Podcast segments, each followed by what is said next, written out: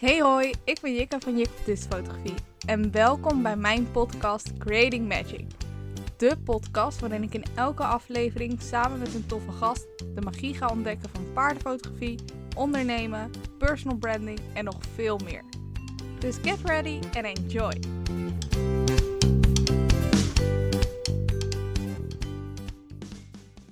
Hallo, hallo, hallo en welkom bij een nieuwe aflevering van de Creating Magic podcast. Ik ben weer alleen, maar dat had ik beloofd, want ik zou in deze aflevering alles vertellen over hoe mijn eerste kwartaal was als coach voor paardenfotografen fulltime. Dus gewoon volle ZZP'er. Hoe was het? Wat heb ik verdiend? Wat heb ik uitgegeven? Welke lessen heb ik geleerd? Ik ga het je allemaal vertellen. Geen geheimen, volledige transparantie. Jij gaat alles weten wat ik weet over mijn eerste kwartaal. Are you ready? Zit je goed? Heb je een notitieblokje bij je? Of je hoofd is helemaal klaar en heeft de ruimte om deze informatie op te gaan slaan? Dan gaan we starten en neem ik je mee in mijn verhaal. Voor als je nog helemaal nieuw bent bij deze podcast. Ik ben Jukke en ik ben sinds midden november 2020 helemaal geswitcht van paardenfotograaf en halve student, afgestudeerde student, naar coach voor paardenfotografen fulltime. Dat doe ik met liefde, met super veel passie. Daarnaast organiseer ik fotoreizen. Nou ja, nu met corona ja, zit dat er niet helemaal in. Maar ik bedenk wel andere toffe projecten om jou als fotograaf verder te helpen groeien en in jouw kracht te leren staan. En ik ben dus eind november begonnen. Uh, eind midden november. Ehm, maar ik ga je niet meenemen in die eerste maanden. Ehm, want ik wil jullie meenemen met het eerste kwartaal. En als ik die cijfers van de anderhalve maand daarvoor zou meenemen, dan klopt die niet helemaal. Dus ik neem je mee vanaf het eerste kwartaal van 2021. Dus dat begint gewoon, zoals bij iedereen, op 1 januari. Ik zal vast wat verklappen. En dat is dat het me niet is tegengevallen, maar dat het me ook wel heeft verrast. Uh, zowel negatief als positief.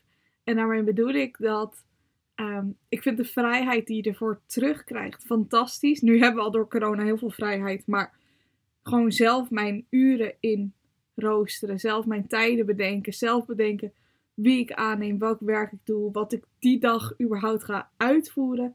Dat vind ik echt super fijn. En ik kan al mijn creativiteit kwijt en niemand beperkt mij behalve ikzelf. Het negatieve is, je moet keihard werken. En ehm, waarschijnlijk straks als je mijn cijfers hoort, denk je, ja maar Jikke, ik doe echt een moord voor jouw cijfers. Doe mij het maar. En dat snap ik. Maar vooral in het begin van je bedrijf is het vooral heel veel investeren. Niet alleen in geld, niet alleen in energie, maar ook in tijd. En, en dat heeft me wel de ogen doen laten openen in het eerste kwartaal. Het kost gewoon best veel tijd en energie om een goede fundering van je bedrijf neer te zetten. Maar in hoeverre je daardoor laat leiden en in hoeverre ehm, jij die hoeveel tijd en energie erin gaat steken, dat is natuurlijk altijd in jou. Daar ga ik het later nog even over hebben. Maar ik, zou, ik ga je niet langer in spanning houden. Wat heb ik het eerste kwartaal, dus van 1 januari tot en met 31 maart 2021, totaal verdiend met mijn bedrijf? Wat staat er op mijn zakelijke rekening? Ik heb inclusief BTW 20.430 euro verdiend. En dat is zo omgerekend 6800 euro per maand. Ik heb dus een omzet gedraaid van 20k. Ja, dat is echt bizar. Voor mijn aller, allereerste kwartaal als ZZP'er fulltime, ja, is dit meer dan ik had kunnen hopen. Maar ik ga je precies uitleggen waar dit geld dan vandaan komt. Nou, het kleinste bedrag is zo ongeveer 330 euro en dat komt uit mijn shop, uit mijn webshop op mijn website. Op mijn webshop verkoop ik namelijk e-mailcursussen over hoe je je prijzen bepaalt, hoe je je droomklanten aantrekt, ehm, psychologische verkooptrucjes, een mini e-book ervan. En ik heb een speciale linnen tas, een canvas tas voor paardenfotografen. Die is echt super tof. Mocht je die nog niet gezien hebben, ga zeker even naar mijn webshop toe. Maar daar heb ik dus zo'n 330 euro inclusief btw mee verdiend. Dan het tweede grote inkomstenbron was mijn coaching uiteraard. En daar heb ik ongeveer 2100 euro inclusief btw mee verdiend. Uh, ik heb alle bedragen een beetje afgerond, want anders is het zo'n brei. Um, dat is niet heel veel, maar dat komt voornamelijk omdat ik maar ongeveer anderhalve maand van de volle drie uh, heb gecoacht. En eigenlijk um, ga ik je straks daar ook een les over leren. Het grootste gedeelte, namelijk hè, die andere helft van het kwartaal, ben ik bezig geweest met een super tof uniek. Waar ik het wel eens eerder over heb gehad in mijn podcast, namelijk het digitale equine retreat. En daarmee heb ik zo'n ongeveer 18.000 euro inclusief BTW mee verdiend. Dat was natuurlijk eigenlijk mijn hoofdinkomen dit kwartaal. Nou, BTW, hè, die 20.000 euro klinkt superveel, maar dat is dus nog inclusief BTW. En eigenlijk is BTW geld dat we niet echt hebben. We rekenen het, maar je houdt het eigenlijk apart om het na het kwartaal weer lekker te geven aan de Belastingdienst. Um, dus het liefst reken ik eigenlijk altijd met exclusief BTW, want dat is het geld wat je krijgt, wat je hebt. Dat was zo'n 16.000 euro 830. En dat is dus echt bijna, nou, 3500 euro uh, dat ik heb moeten inleveren aan de Belastingdienst. Blauwe vrienden, wees mij welkom. maar dat maakt niet uit, want hoe meer belastingen ik moet betalen, hoe beter de zaken gingen laten we het er maar zo naar kijken. Maar ik had dus uiteindelijk zo'n ruime, nou bijna 17.000 euro verdiend in één kwartaal. Alleen daar zijn we nog niet. Want helaas, helaas heb ik ook dit kwartaal enorme kosten gemaakt. En dat hoort bij het, je eerste jaar, je eerste ondernemingsjaar. Je hoort dan namelijk heel vaak dat dat jouw investeringsjaar is dat dat het jaar is waar je alles koopt wat je nodig hebt voor jouw onderneming, voor de basis van jouw onderneming. Um, ik moest verzenddozen kopen voor de uh, canvas tasjes. Ik moest stickers kopen, want dat wou ik erop hebben. Ik heb allemaal abonnementen, zoals van mijn podcast. Maar ook allemaal dingen, voornamelijk voor het retreat. Dat was echt mijn allergrootste kostenpost. Uh, ik moest namelijk sprekers inhuren. Ik moest materiaal kopen. Ik moest Vicky betalen, die mij hielp met het organiseren van het retreat. Ik heb verschillende dingen, abonnementen moeten aanschaffen, programma's. Um, dat was ongeveer bij elkaar zo'n 6500 euro van de 8000. Dus dat zijn aardig wat kosten. Nou ja, dat is, dat is pech. Want hè, als je kijkt naar, ik heb 18.000 euro verdiend met het retreat. Maar er gaat dus nog zo'n Ehm, BTW af. En er gaat dan nog 6500 euro af. Dus laten we zeggen dat ik uiteindelijk 10.000 euro eraan heb verdiend aan het retreat. Uiteindelijk, alles ervan af. Dus BTW, de kosten, hou ik 8830 euro over, exclusief BTW dus. Nou, dat betekent dat als je dat gedeeld door 3 doet, dan heb ik 3000 euro in de maand verdient. Nou, dan gaat er nog inkomstenbelasting af volgend jaar. Uh, ik hou altijd een buffer over. Ik maak gelijk wat voor mezelf over als buffer. Stel dat er iets kapot gaat, stel dat ik iets nodig heb uh, voor mijn pensioen. Ik bouw altijd een buffer.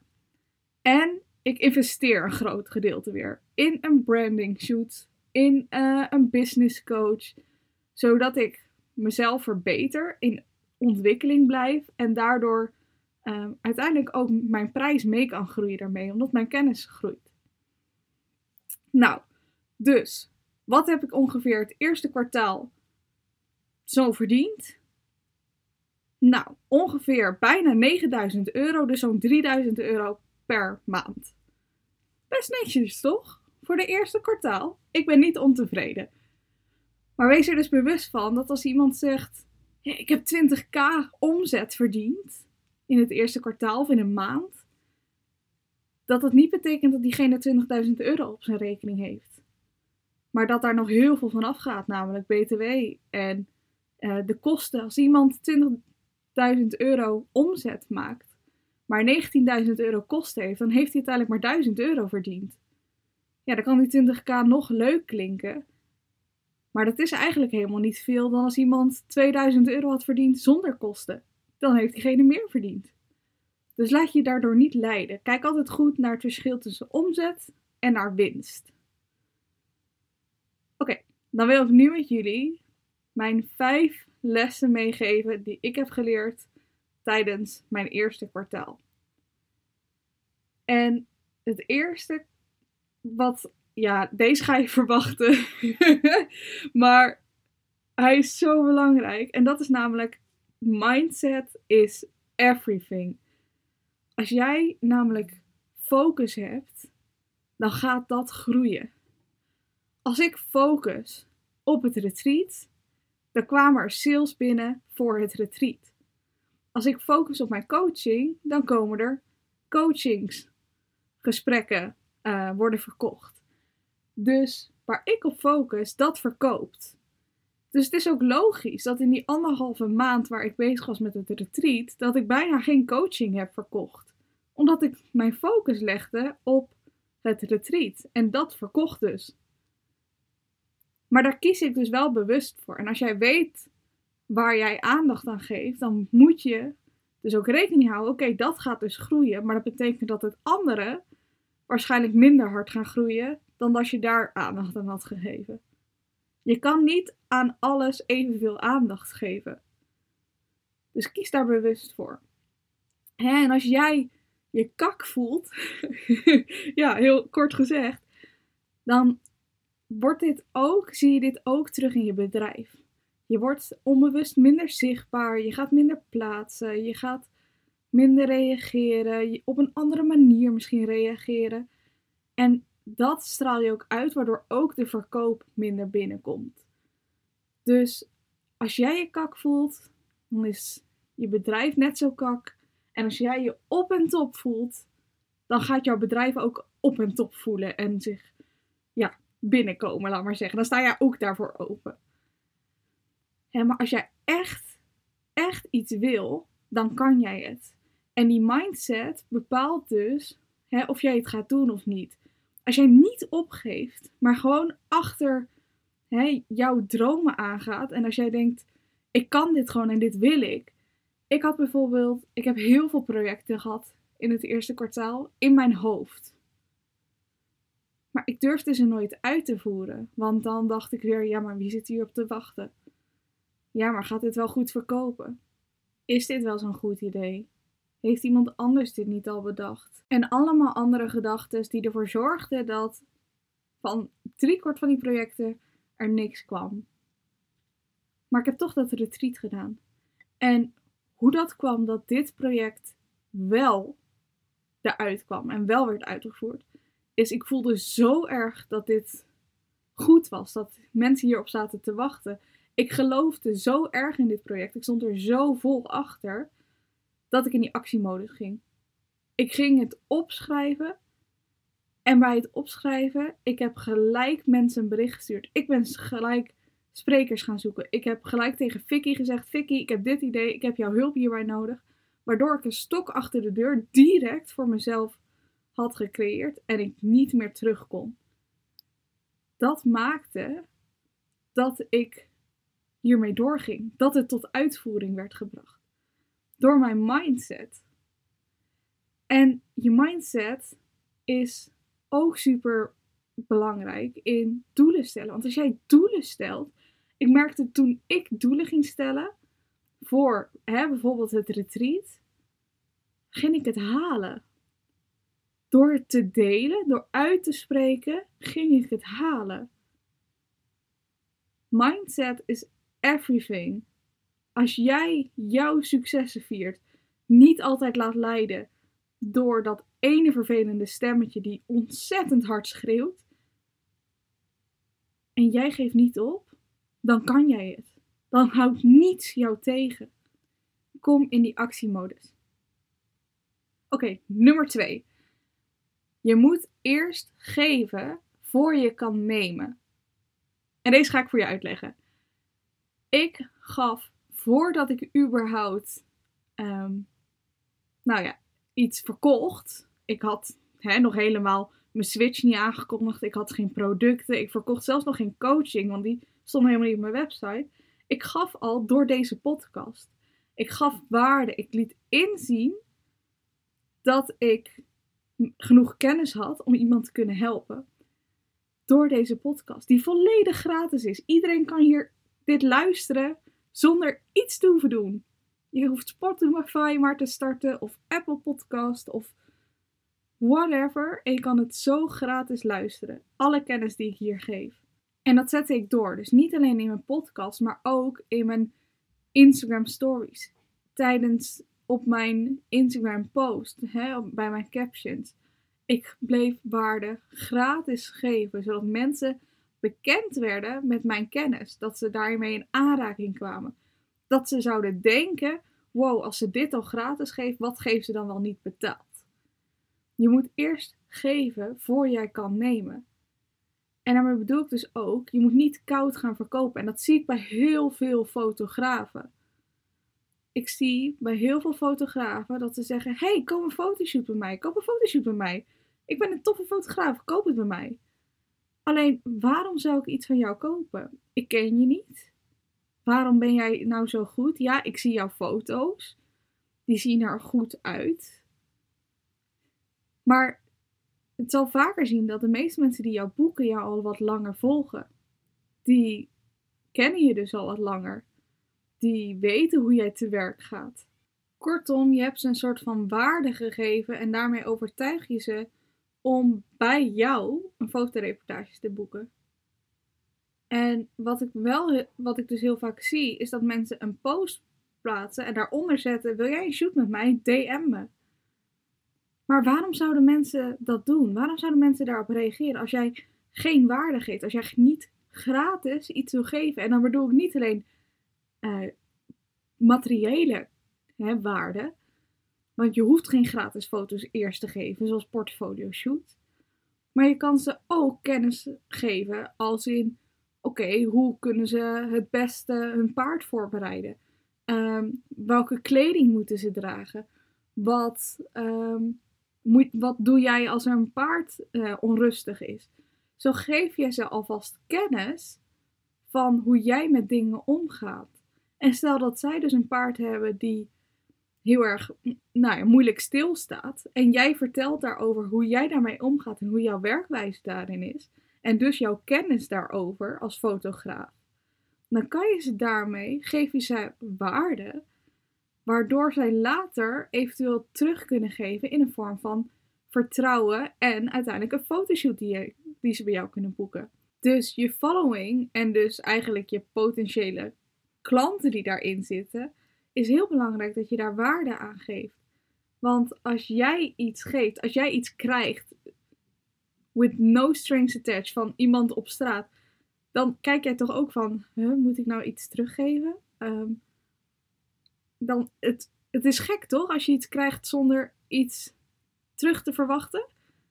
En eigenlijk bouw je dat heel langzaam, bouw je dat bij iemand op dat diegene denkt, oh, maar ze heeft dit al voor mij gratis gedaan. Oh, maar ze heeft al mijn vragen, heeft ze altijd lief antwoord gegeven. Oh, ze reageert altijd zo leuk. Oh, maar ze heeft ook allemaal gratis kennis al gegeven.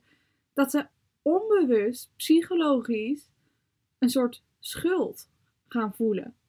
En ik wil niet zeggen dat als jij heel vaak met mij in gesprek gaat, dat dat niet oprecht is, want het is super oprecht. En weet je, dit is een leuk bonusje erbij. Ehm, maar ik vind het echt heel leuk om die connectie aan te gaan. Sowieso. Ik ben echt een mensenmens. Dus ik vind dat top.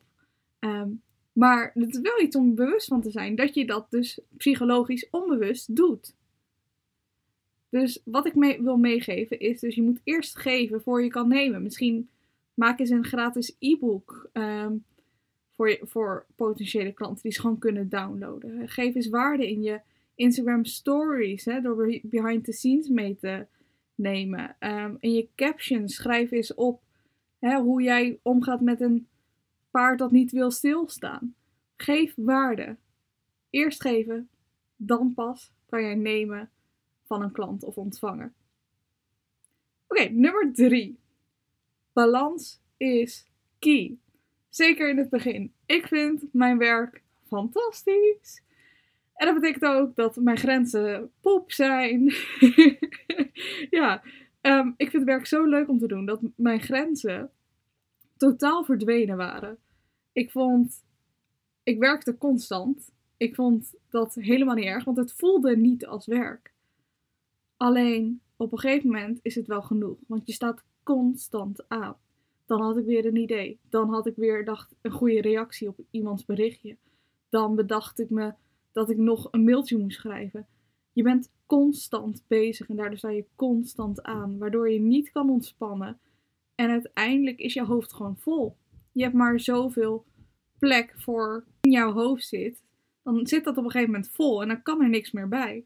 Dus wat gebeurt er opeens? Je krijgt, je doet veel langer over taken. Je productiviteit wordt dus echt, uh, dropt gewoon naar een benedenlevel. Je creativiteit en nieuwe projecten bedenken, die komen niet meer. En dan is het in paniek, want je denkt, ja, maar ik moet geld op de tafel hebben en ehm, ik moet snel reageren en ik moet veel uit mijn dag halen. Want tijd is letterlijk geld als fulltime ZZP'er. En toen merkte ik wel dat ik meer me-time moet inplannen. Ik ben mijn eigen baas. Ik bepaal mijn eigen uren, maar daarmee ben ik ook verantwoordelijk voor mezelf en ook verantwoordelijk voor mijn ontspanning. Ik heb geen werkgever die zegt: hey meisje, volgens mij werk jij een beetje veel. Um, ik zou even wat minderen. Nee, ik ben mijn eigen baas daarover. Ik heb hier als enige controle op. En dat was wel even een heel belangrijk inzicht voor mij. Dat als je doet wat je leuk vindt, dat je ook moet kijken naar jezelf. Dat je jezelf op nummer 1 moet zetten. En ik weet, als ondernemer zetten we onze klant heel erg op nummer 1. Maar die klant maakt het echt niet uit of jij om 11 uur s avonds een mailtje terugstuurt. Of de volgende ochtend om 11 uur s ochtends. Dat maakt diegene echt niet uit. Voor ons gevoel misschien wel. Maar kijk liever die serie af dan dat je je mail weer even opent. En dat is nu met corona bijvoorbeeld ook heel lastig, omdat alles vindt zich op dezelfde plek. Um, nou ja, thuis en werk is met mij gewoon nu hetzelfde.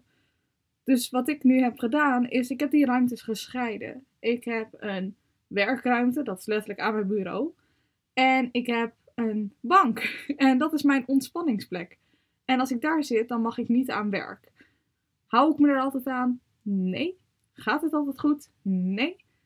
Maar ik ben er wel veel bewuster bezig met mijn eigen tijd en met ontspanning en meer balans zoeken. En dat is een leerweg en ik zal vallen en opstaan. Maar dat is prima. Dat hoort bij het ondernemingschap. En dat vind ik juist ook zo tof. En het allerbelangrijkste is natuurlijk hè, dat ik mijn werk zo leuk vind om te doen en dat ik wil blijven werken. Is eigenlijk een heel goed teken. Want dat betekent dat ik dus echt doe wat ik leuk vind. En dat is natuurlijk een heel belangrijk signaal om bij jezelf na te gaan.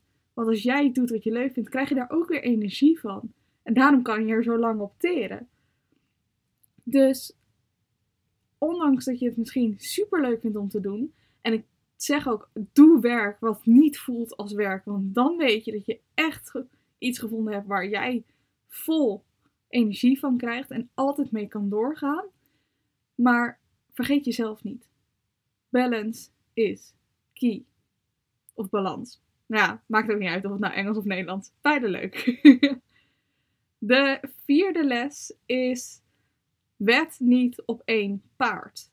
En dat inzicht kreeg ik voornamelijk toen ik zag hoeveel geld het retreat mij opbracht.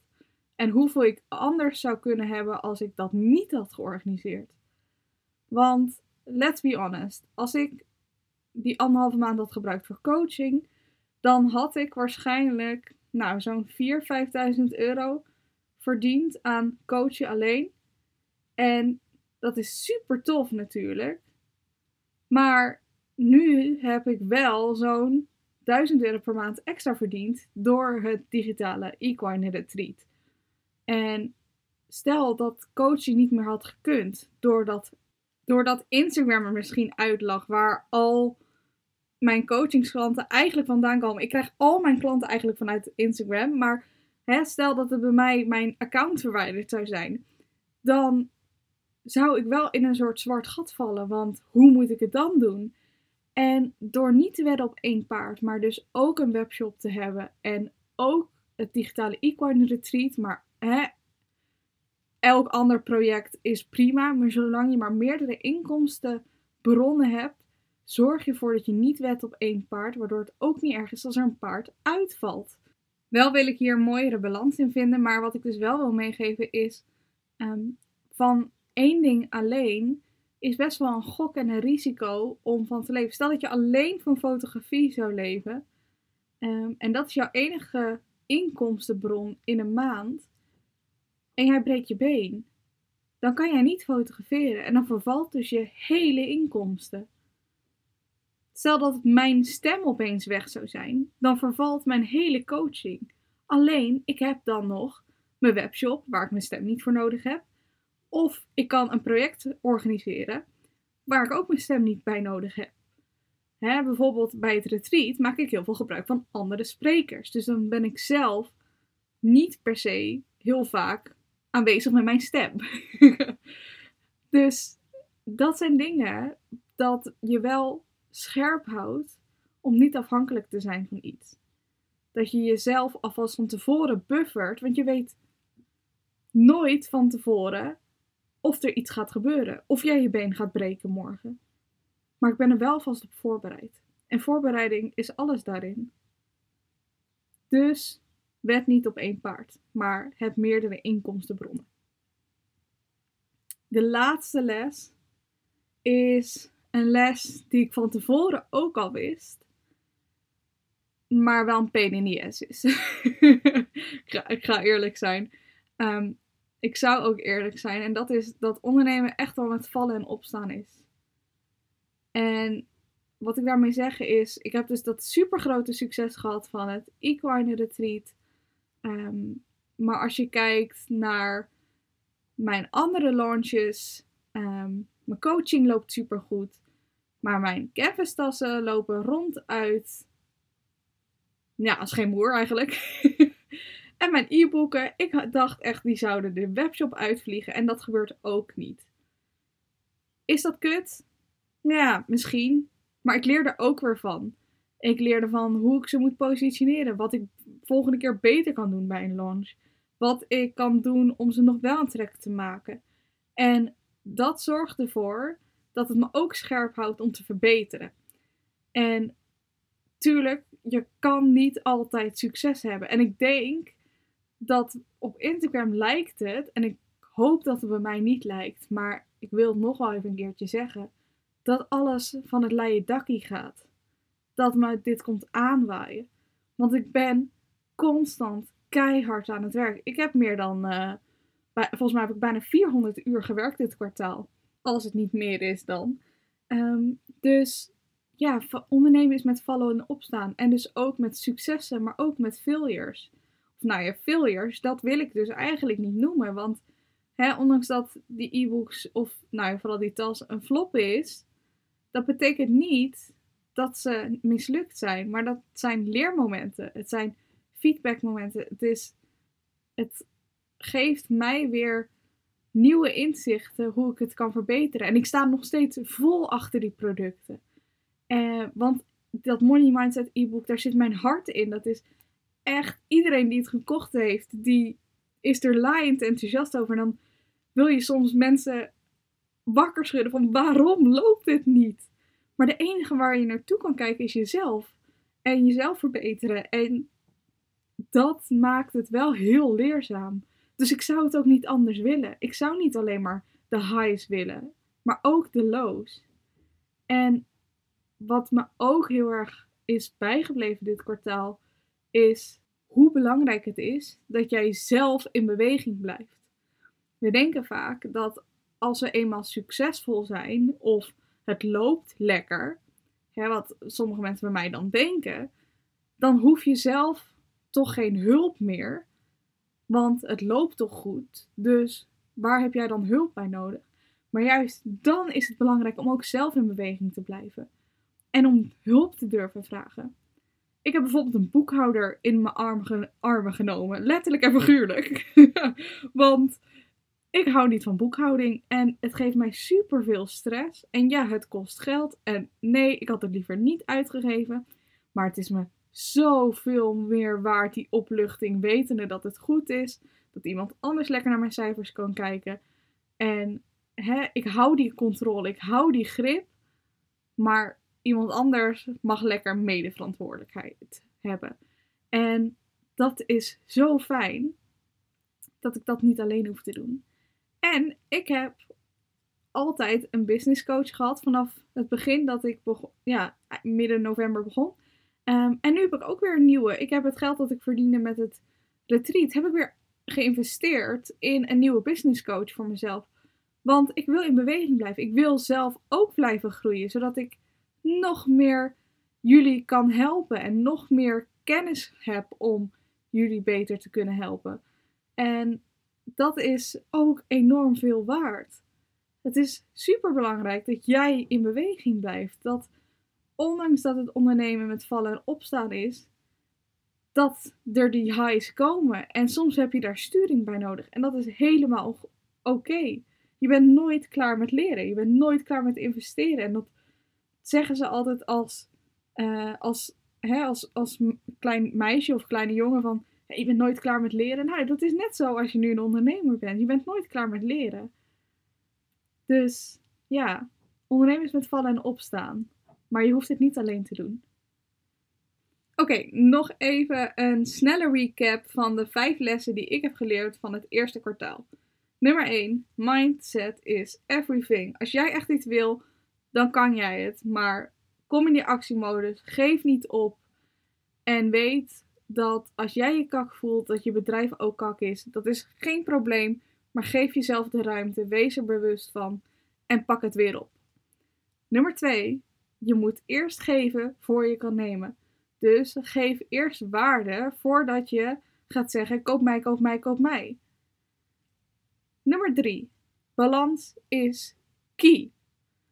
Doe wat je leuk vindt. Zorg dat het niet voelt als werk.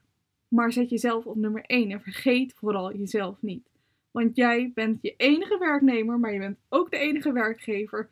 Dus als jij valt, dan valt je bedrijf. dat klinkt wel heel darkish. Maar ja, het is eigenlijk wel zo. Nummer 4 is wet niet op één paard, maar zorg voor meerdere inkomstenbronnen. En nummer 5 is ondernemen is met vallen en opstaan en een pain in the ass. Maar weet dat je het niet alleen hoeft te doen. Vraag hulp en blijf in beweging. Oké, ik hoop dat je dit een hele toffe aflevering vond. Dat het jou ook inzichten heeft weten brengen. Ik vond het best spannend. Omdat ik zo openbloot met mijn cijfers ben. Met mijn struggles van dit kwartaal. Maar ik hoop dat het je heel veel heeft geleerd. En we gaan er gewoon weer voor om er knallend tweede kwartaal van te maken van 2021.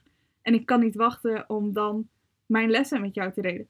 Vond je dit nou tof? Laat het dan even weten, want wie weet doe ik het dan ook voor het tweede kwartaal. En anders niet? Oké, okay, wat dikke prima. Heel veel succes het tweede kwartaal. Laten we zo'n ass kicken en rocken. Want als ik het kan, kan jij het ook. You've got this. Dat was het dan. Weet dat je mij altijd een berichtje kan doen op Instagram voor een gezellig babbeltje, als je een cheerleader nodig hebt of voor al je vragen. Vind ik alleen maar heel leuk. Als je deze podcast waardevol, motiverend vond of heb je een hele mooie les uitgehaald, dan zou ik het heel tof vinden als je je op deze podcast abonneert en je deze podcast deelt via Instagram. Zo kunnen nog meer getalenteerde paardenfotografen hiervan leren en genieten. Bedankt in ieder geval uit de grond van mijn hart voor het luisteren. En see you at the next one!